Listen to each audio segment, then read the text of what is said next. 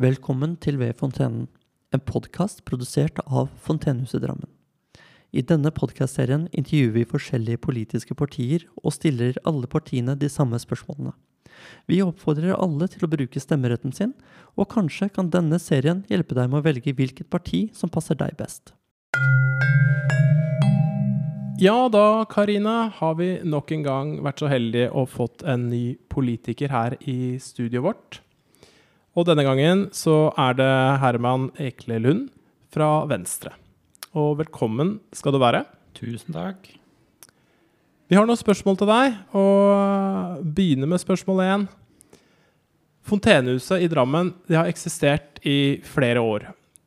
Og hva er ditt inntrykk av husets virksomhet og betydning for kommunen? Jeg kan svare litt todelt. Fra, som politiker fra, fra, Venstre som har fulgt den uh, kommunestyreperioden her nå de fire årene som min første periode, så er jo mitt inntrykk at det betyr veldig mye for kommunen gjennom den partnerskapsavtalen vi har, for å hjelpe kommunen med å løse de utfordringene dere jobber med. Uh, der uh, tror jeg vi ville hatt et mye dårligere tilbud uten Fontenehuset. Så å fortsette den partnerskapsavtalen der blir veldig viktig, ellers så mister vi noe helt sentralt i den biten av arbeidet vårt i kommunen.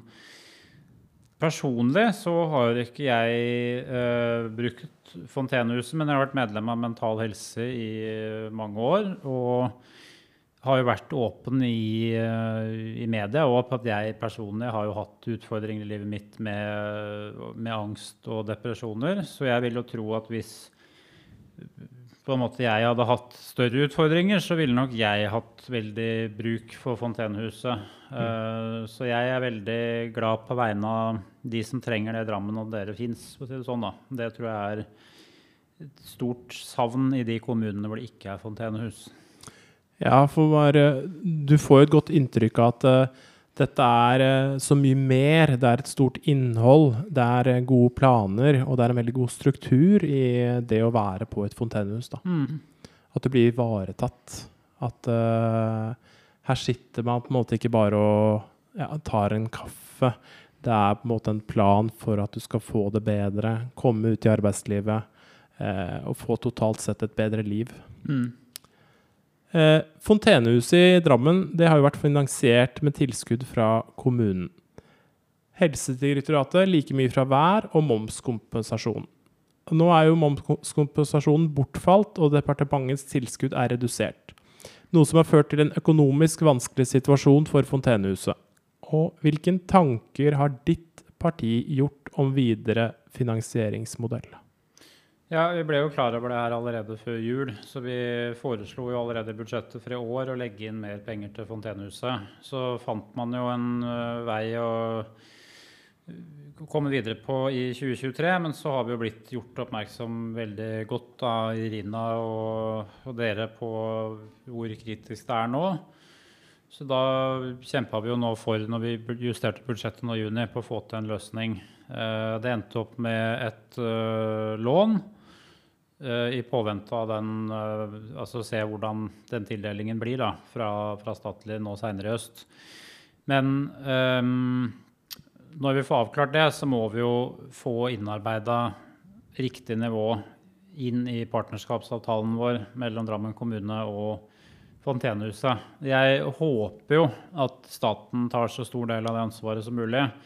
For med tanke på den kommuneøkonomien vi har i Drammen, så uh, tror jeg uh, mulighetene er begrensa for å gjøre noe veldig store løft. Så jeg håper jo virkelig at staten lager en tildeling som er god nok. Men uh, Venstre har programfestet at vi skal støtte Fontenehuset. Så vi kommer til å strekke oss så langt vi kan i hvert fall for at vi finner et nivå på den partnerskapsavtalen som er bra nok for Fontenehuset. For sånn som vi har fått varsla nå med at man må begynne å legge ned tilbud hvis det ikke finnes en løsning. Det er kritisk, og det kan vi ikke ha nå. Ja, og så er det jo sånn med Fontenehusmodellen nå at det, det, er jo en flat struktur, i, både med medlemmer og medarbeidere. Og det gjelder jo veldig også i forhold til driften. Eh, så når vi sliter økonomisk, så er alle inkludert i den prosessen.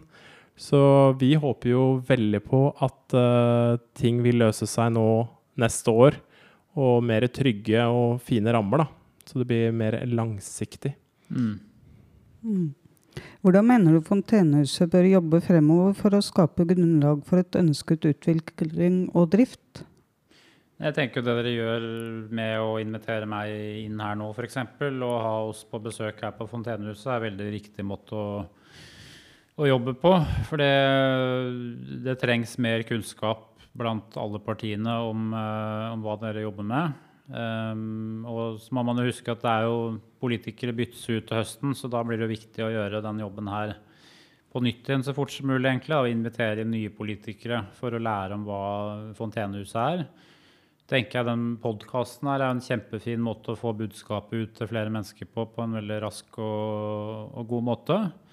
Så er det å være deltakende i uh, debattspalten og skrive leserinnlegg og informere flest mulig mennesker om hva, hvorfor Fontenehuset-tilbudet er så, så viktig. For jeg ser jo det at det ofte er skille på tiltak og aktører som lykkes opp mot politikerne. Og de som ikke gjør det, er de som lykkes med å gjøre seg kjent, rett og slett.